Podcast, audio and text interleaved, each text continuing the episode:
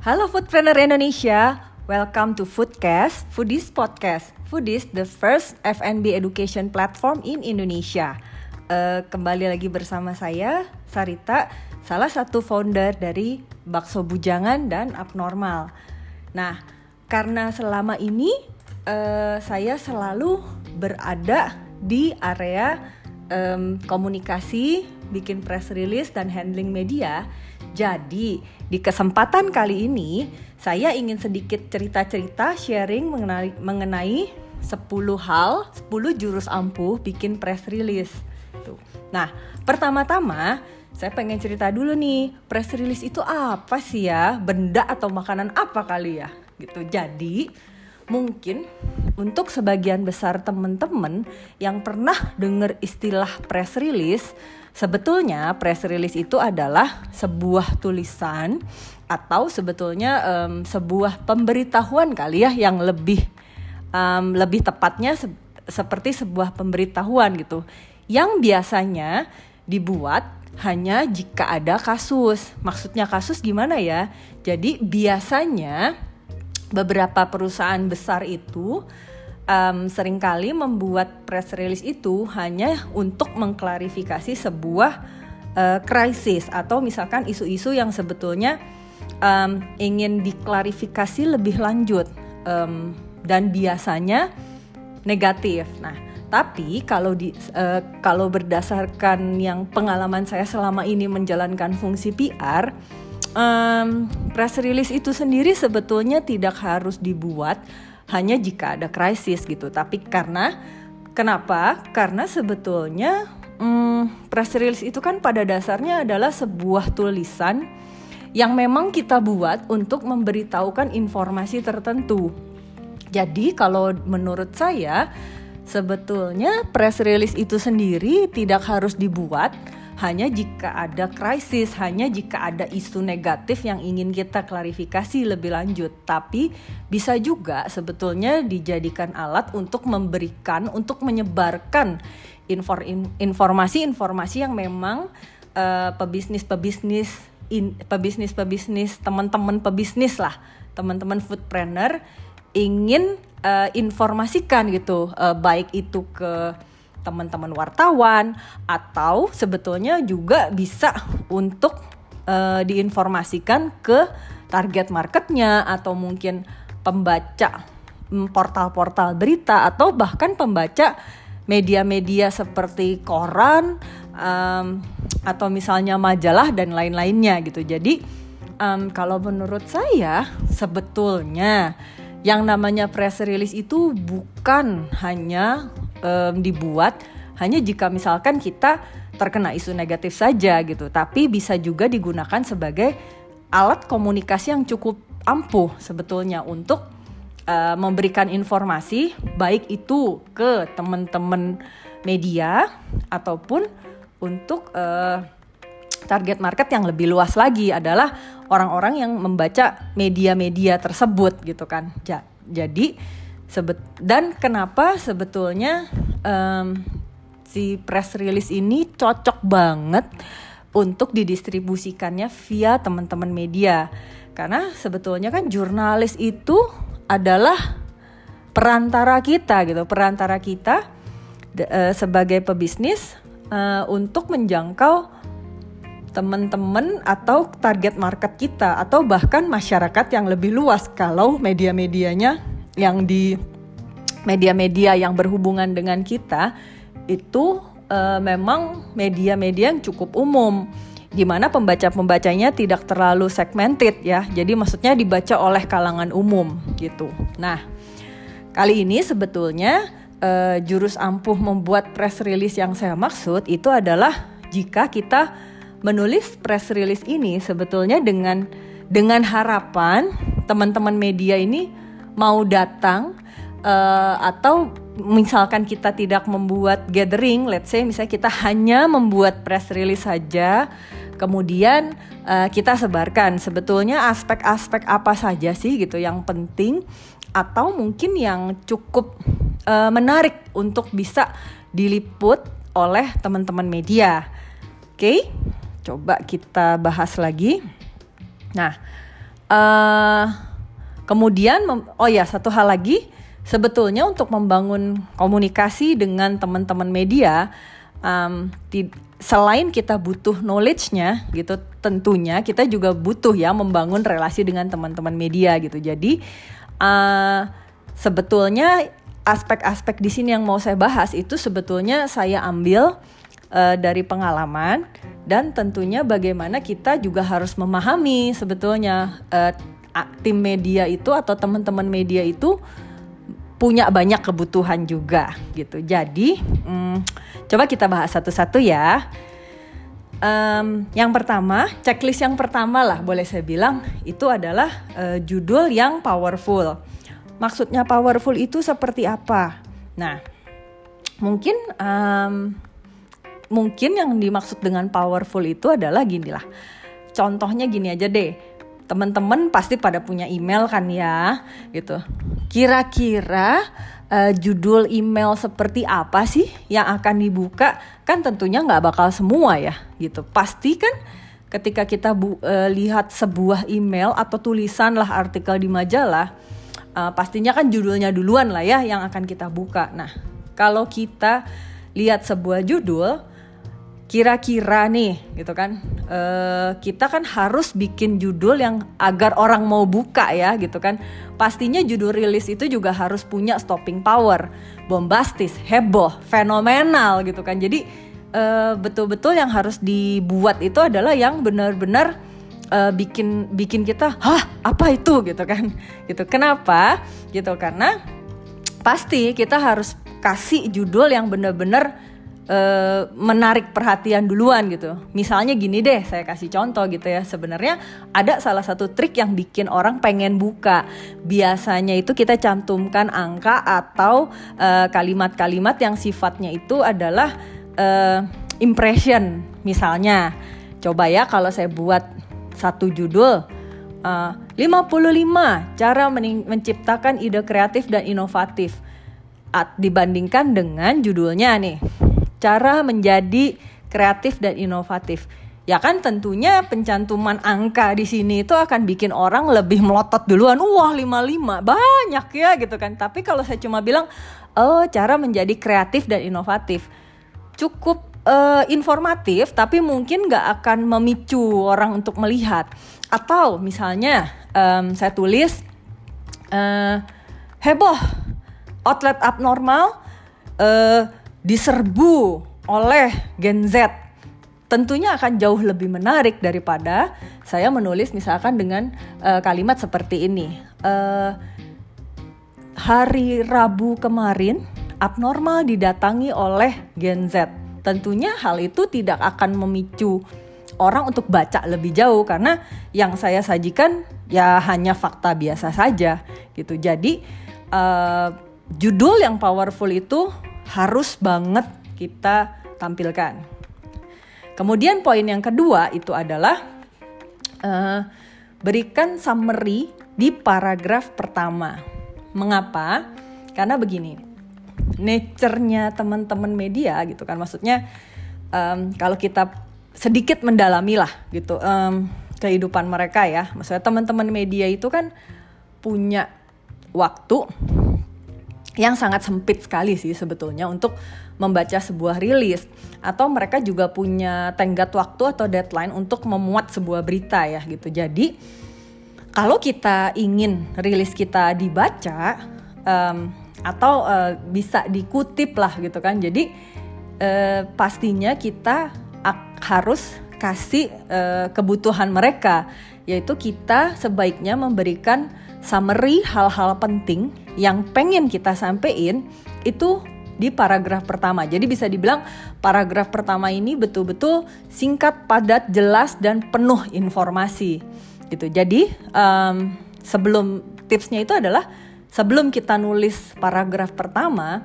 kita harus rumuskan dulu poin-poin menarik yang kemungkinan punya news value besar itu apa aja gitu. Jadi uh, kita harus bikin dulu lah summary-nya, kemudian baru kita tulis dan semuanya itu harus tercantum semua padat dan jelas di paragraf pertama gitu. Jadi sebetulnya uh, hal ini penting banget dilakukan gitu. Jadi karena uh, kalau misalnya teman-teman wartawan itu nggak punya banyak waktu untuk mem membuka dan membaca semua press release kita dari depan sampai belakang, minimal mereka bisa ambil paragraf pertama kita, kemudian mereka juga bisa kutip gitu karena sebetulnya di satu paragraf itu sebenarnya sudah cukup gemuk lah, cukup um, daging untuk di uh, kutip atau disarikan. Jadi beritanya itu udah benar-benar lengkap semua gitu. Kemudian uh, kita berlanjut ke poin tiga itu adalah jangan lupa walaupun di dua tadi kita punya summary gitu ceritakan poin ketiga adalah cerita lengkap dan detail di paragraf-paragraf selanjutnya. Gitu. Kenapa? Karena begini um, summary itu kan uh, summary dan cerita lengkap itu pastinya punya banyak um, apa ya punya banyak keterangan keterangan detail lainnya yang mungkin tidak bisa kita berikan semua di paragraf pertama seperti tadi saya bilang di poin 2 bahwa uh, paragraf pertama itu isinya hanya sari-sarinya saja jadi di poin ketiga eh, di di paragraf ketiga maupun di paragraf-paragraf selanjutnya itu akan jauh lebih baik jika kita bisa berikan uh, informasi-informasi pelengkapnya jauh lebih lengkap gitu. Jadi um, dan maksudnya gini. Jadi selain uh, informasi-informasi yang kita berikan juga harus yang tidak kalah penting sebetulnya dengan summary gitu. Tapi uh, memang harus diberikan informasi-informasi yang penting dan uh, sebisa mungkin yang bisa diverifikasi ya gitu. Jadi jangan sampai kita menulis uh, informasi-informasi yang masih perkiraan gitu. Jadi uh, dengan kita berikan informasi-informasi pendamping lainnya di paragraf-paragraf selanjutnya, sebenarnya kita bisa meringankan pekerjaan mereka gitu. Kemudian yang poin keempat itu adalah uh, maksimalkan rilis itu menjadi dua halaman. Bahkan kalau kita bisa bikin satu halaman itu akan jauh lebih baik. Uh, kenapa? Karena begini, Press release itu sebetulnya kan dibuat untuk mempermudah teman-teman media menulis berita tentang kita gitu. Jadi memang e, berikanlah kemudahan-kemudahan tersebut gitu kan dalam bentuk tulisan yang memang mudah dikutip dan sudah berisi informasi-informasi penting sesingkat mungkin. Kemudian poin yang kelima adalah e, kutip quotes-quotes dari orang terkenal tentang topik atau produk yang kita um, tentang topik atau produk yang kita sajikan di rilis itu. Kayaknya ini nature banget ya, gitu. Uh, seperti kita juga kan sebetulnya selalu butuh second opinion kan ya dalam banyak hal. Nah, sama aja gitu. Jadi dalam meyakinkan teman-teman media gitu kan uh, atas sebuah topik, kita biasanya harus berikan informasi-informasi lain yang mendukung. Nah, salah satunya itu pastinya itu kan akan jauh lebih powerful lah ya maksudnya um, akan jauh lebih dipercaya jika kita bisa kasih quotes-quotes atau keterangan-keterangan lain yang pernah diomongin sama pakar-pakar, ahli-ahli atau biasanya sih selebriti ya atau orang-orang terkenal atau pejabat atau siapa pun agar sebetulnya lebih meyakinkan, meyakinkan dan pastinya mendukung eh, fakta-fakta uh, yang udah kita sampaikan di paragraf-paragraf sebelumnya gitu. Um, yang keenam itu adalah uh, foto yang relevan.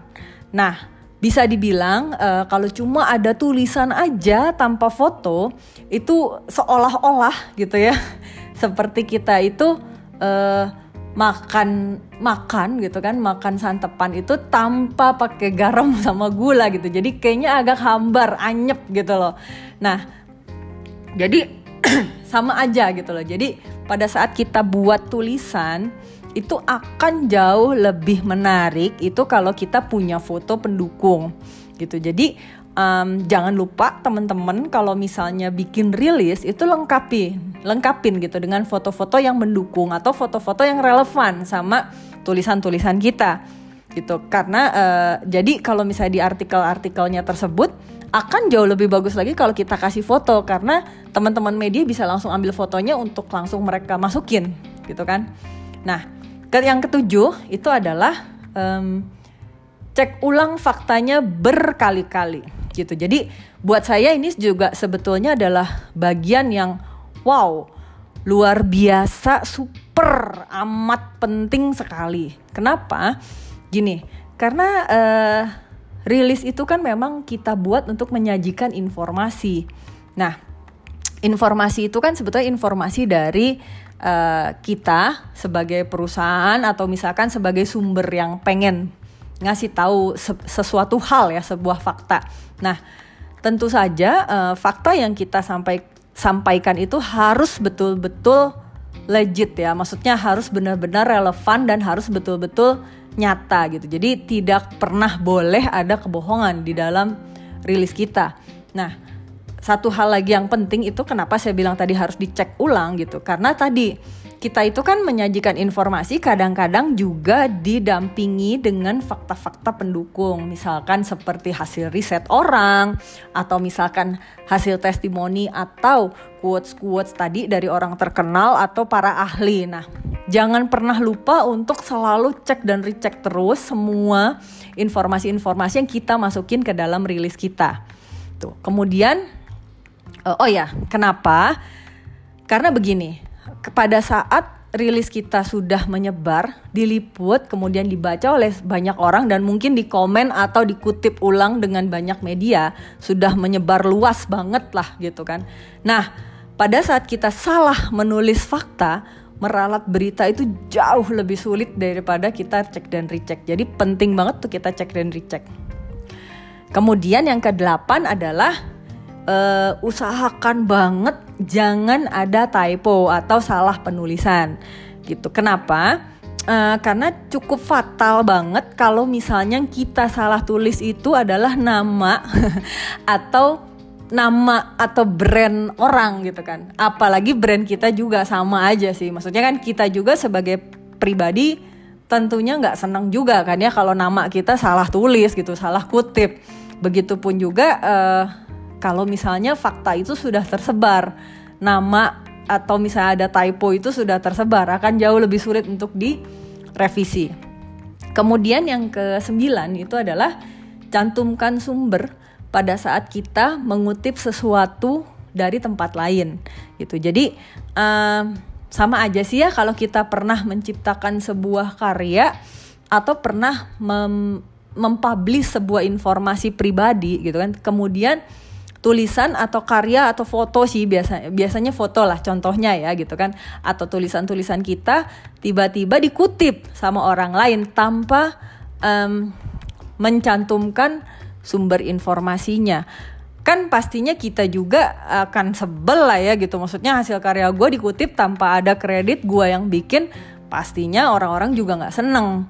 Nah jadi sebetulnya sebagai PR yang baik sebetulnya kita sangat-sangat wajib banget untuk memberikan informasi kita yang selengkap mungkin, termasuk uh, kutipan-kutipan yang kita ambil dari sumber lain gitu. Jadi um, ya mirip lah kayak pas kita dulu bikin tugas akhir.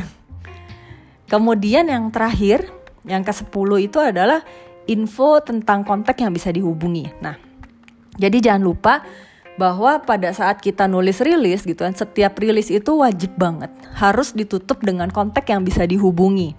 Jika ada uh, pertanyaan lanjutan atau misalkan ada informasi yang kurang jelas gitu. Jadi karena kenapa? Karena sebetulnya uh, teman-teman media itu juga kadang-kadang mereka juga butuh untuk mengkonfirmasi eh, info-info uh, yang ada di rilis atau misalkan bahkan Eh, informasi-informasi uh, yang mereka dapat sumbernya itu dari tempat lain. Justru mereka butuh untuk mengkonfirmasi fakta-fakta tersebut ke kita sebagai uh, narasumber yang punya uh, apa ya punya informasi mengenai produk atau topik yang memang kita sampaikan gitu. Jadi uh, akan sangat penting sekali gitu kan untuk uh, naruh informasi tentang kontak kita di bagian akhir dari si press release tersebut. Gitu. Nah, uh, saya kira sudah cukup dari saya. Uh, thank you semuanya. Yuk ajak semua teman-teman dan kenalan foodpreneur untuk join Telegram channel Foodies Media Community untuk update ilmu bisnis kuliner setiap hari. Bye.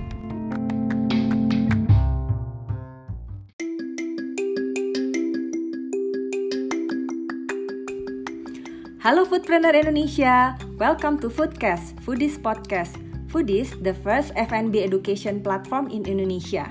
Ketemu lagi dengan saya, dengan Sarita.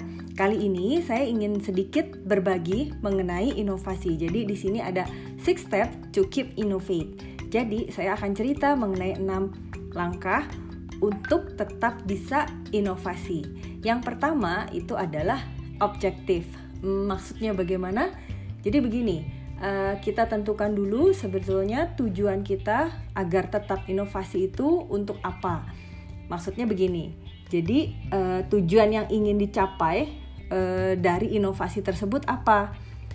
Sebenarnya ada bermacam-macam sih. Kalau dari pengalaman, kalau dari pengalaman saya ada beberapa misalnya pada saat yang paling sering nih, yang paling sering banget saya dengar dari teman-teman foodpreneur itu biasanya aduh sales turun. Bener nggak sih? Gitu kan.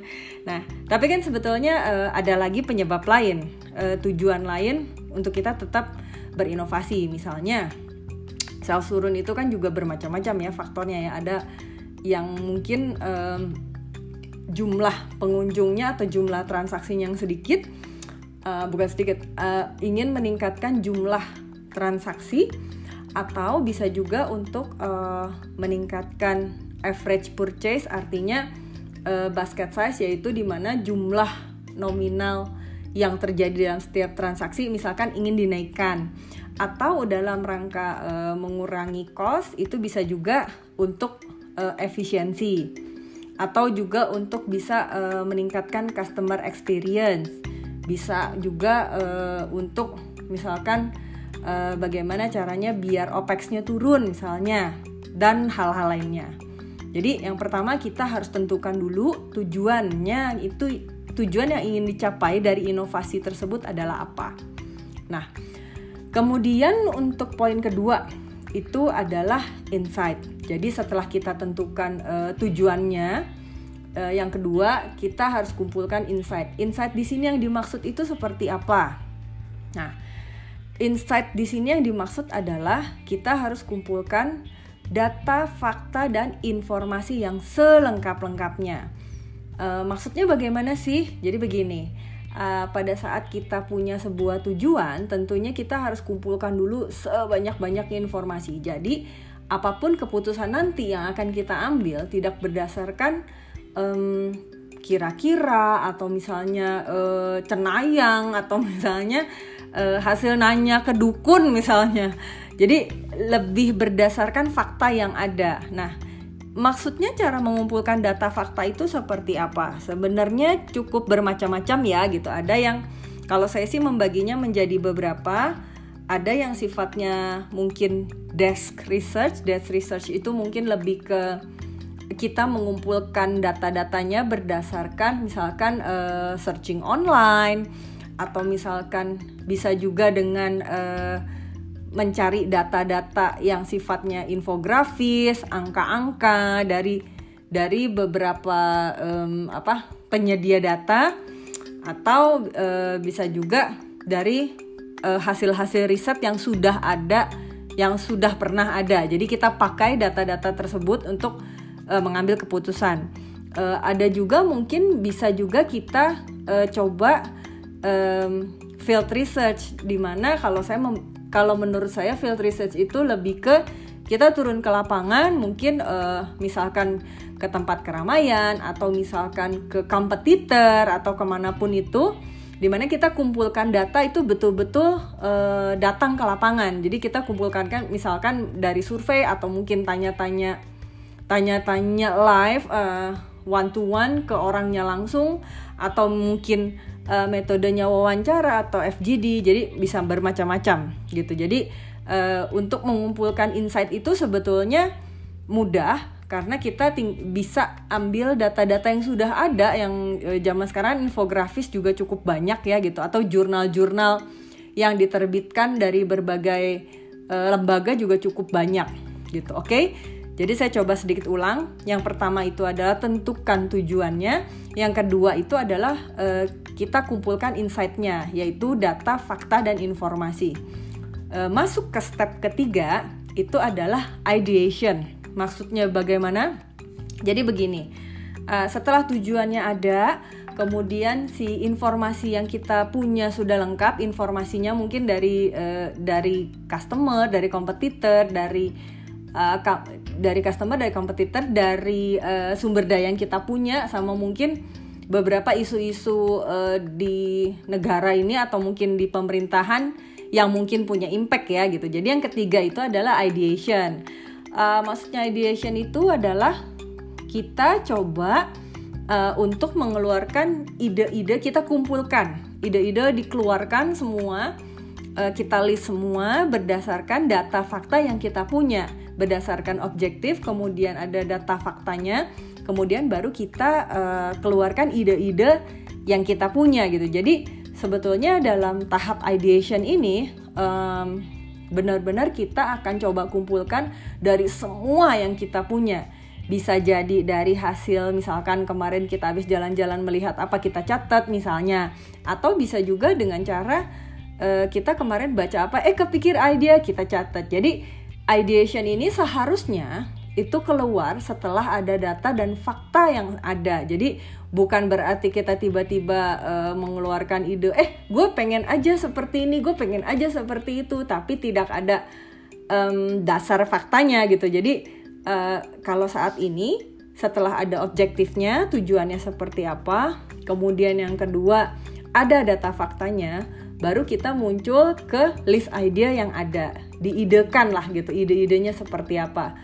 Um, jadi misalnya kalau saya boleh kasih contoh ya gitu. Jadi dulu um, salah satu outlet bakso bujangan kan dulu sempat ada uh, sistemnya di mana si konsumennya duduk di seat eh sorry datang ke outlet duduk kemudian uh, sempat juga uh, setelah mereka duduk waiternya datang mencatat kemudian uh, waiternya mempersiapkan kemudian si pesanannya baru datang. Nah waktu itu objektif kita itu adalah uh, mengurangi jumlah karyawan tapi tentu saja bukan dengan cara PHK ya gitu.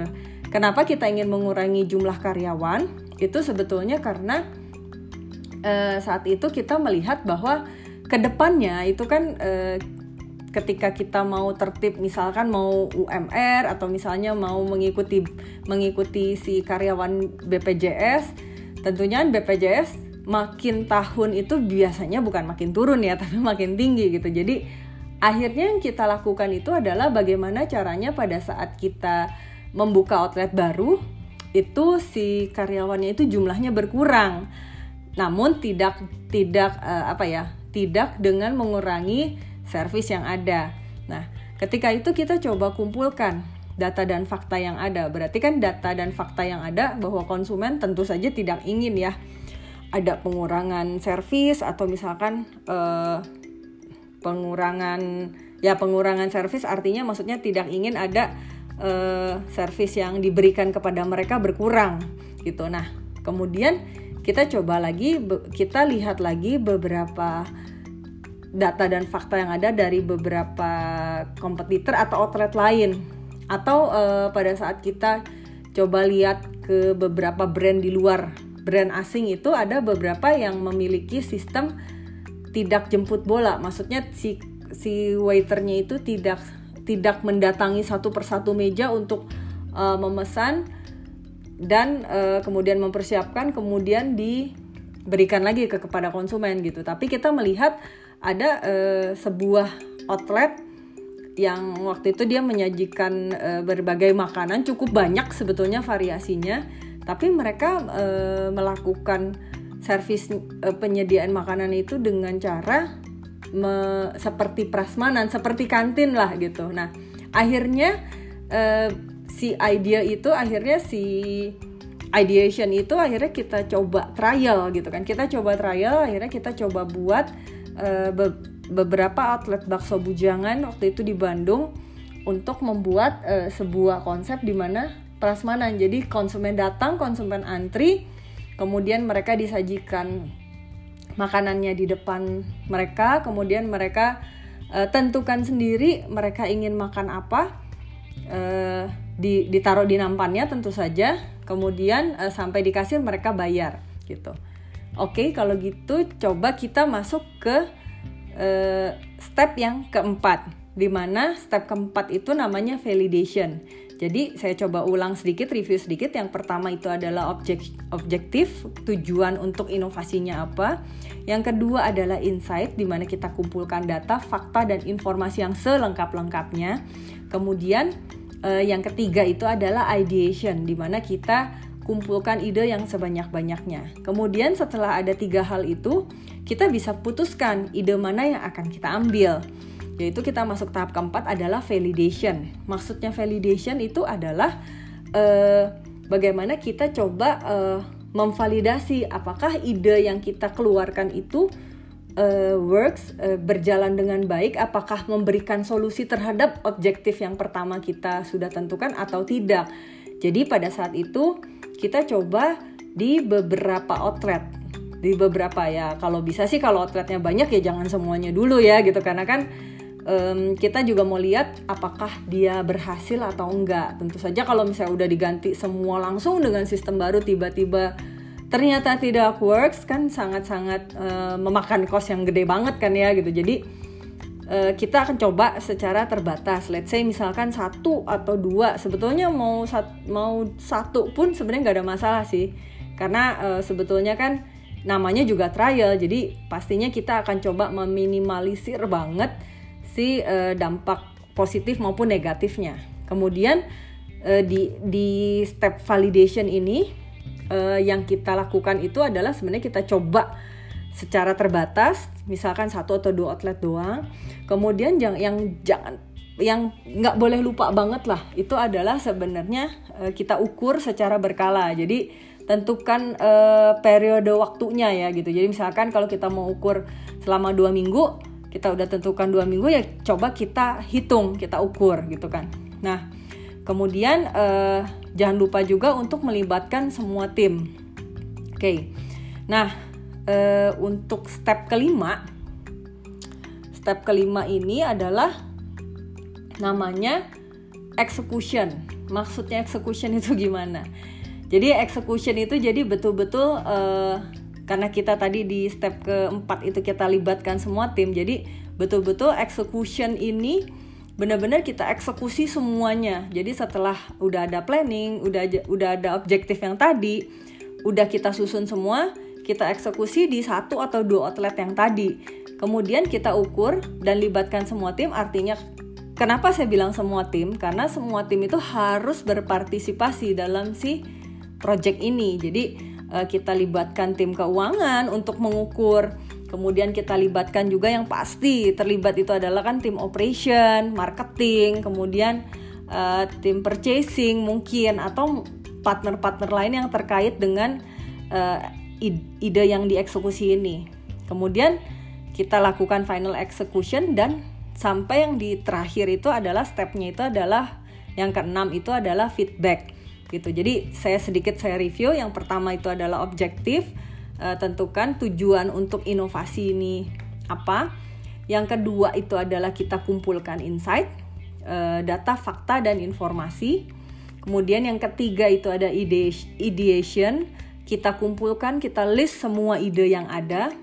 Itu kan. Kemudian yang keempat itu adalah validation di mana kita pilih salah satu ide dan kemudian kita siapkan dan coba secara um, minimal uh, sorry coba secara secara terbatas satu atau dua outlet aja dan kita ukur kemudian yang kelima kita eksekusi kita libatkan semua tim kemudian yang keenam itu adalah feedback maksudnya feedback adalah gini jadi setelah kita tentukan uh, waktunya periode pengukurannya berapa lama setelah kita ukur semua tentunya kita harus mendapatkan hasil evaluasinya jadi misalkan setelah uh, setelah kita eksekusi semua, apakah tujuan di awal yang kita inginkan itu sudah tercapai, terjawab atau enggak gitu dari si uh, trial ini.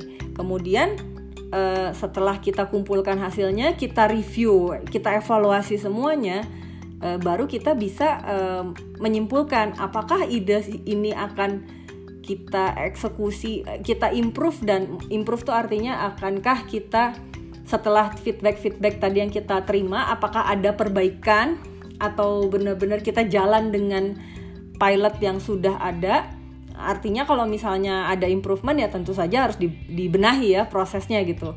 Kemudian setelah ada eh, apakah dia cukup oke okay untuk diterapkan misalkan ke semua outlet gitu ataukah justru ide ini sebetulnya failed setelah diukur tidak tidak mencapai gitu. Misalnya kayak kalau misalnya kita lihat pada saat kita coba trial sistem prasmanan tersebut sistem yang tidak uh, jemput bola seperti si si waiternya datang ke konsumen ternyata cukup improve gitu karena terbukti setelah uh, setelah pembukaan next next outlet yang lain itu jumlah karyawan yang kita harus hire di satu outlet itu berkurang signifikan tanpa harus mengurangi service yang ada gitu. Jadi uh, berikutlah uh, sekian dari saya. Jadi kalau boleh saya summary ada enam ada enam step untuk keep innovate. Yang pertama itu adalah objektif, tentukan tujuannya. Yang kedua itu adalah insight, kumpulkan data, fakta dan informasi. Kemudian sorry. Kemudian yang ketiga itu adalah ideation, kita list semua semua ide-ide yang ingin kita eksekusi. Keempat adalah validation, kelima adalah execution dan yang keenam itu adalah feedback. Artinya uh, feedbacknya itu mau dibuat seperti apa, kemudian uh, apakah kita improve atau kita kill si project ini. Oke, okay? uh, eh, sekian dari saya. Thank you semua. Yuk ajak semua teman-teman dan kenalan foodpreneur untuk join Telegram channel Foodies Media Community untuk update ilmu bisnis kuliner setiap hari.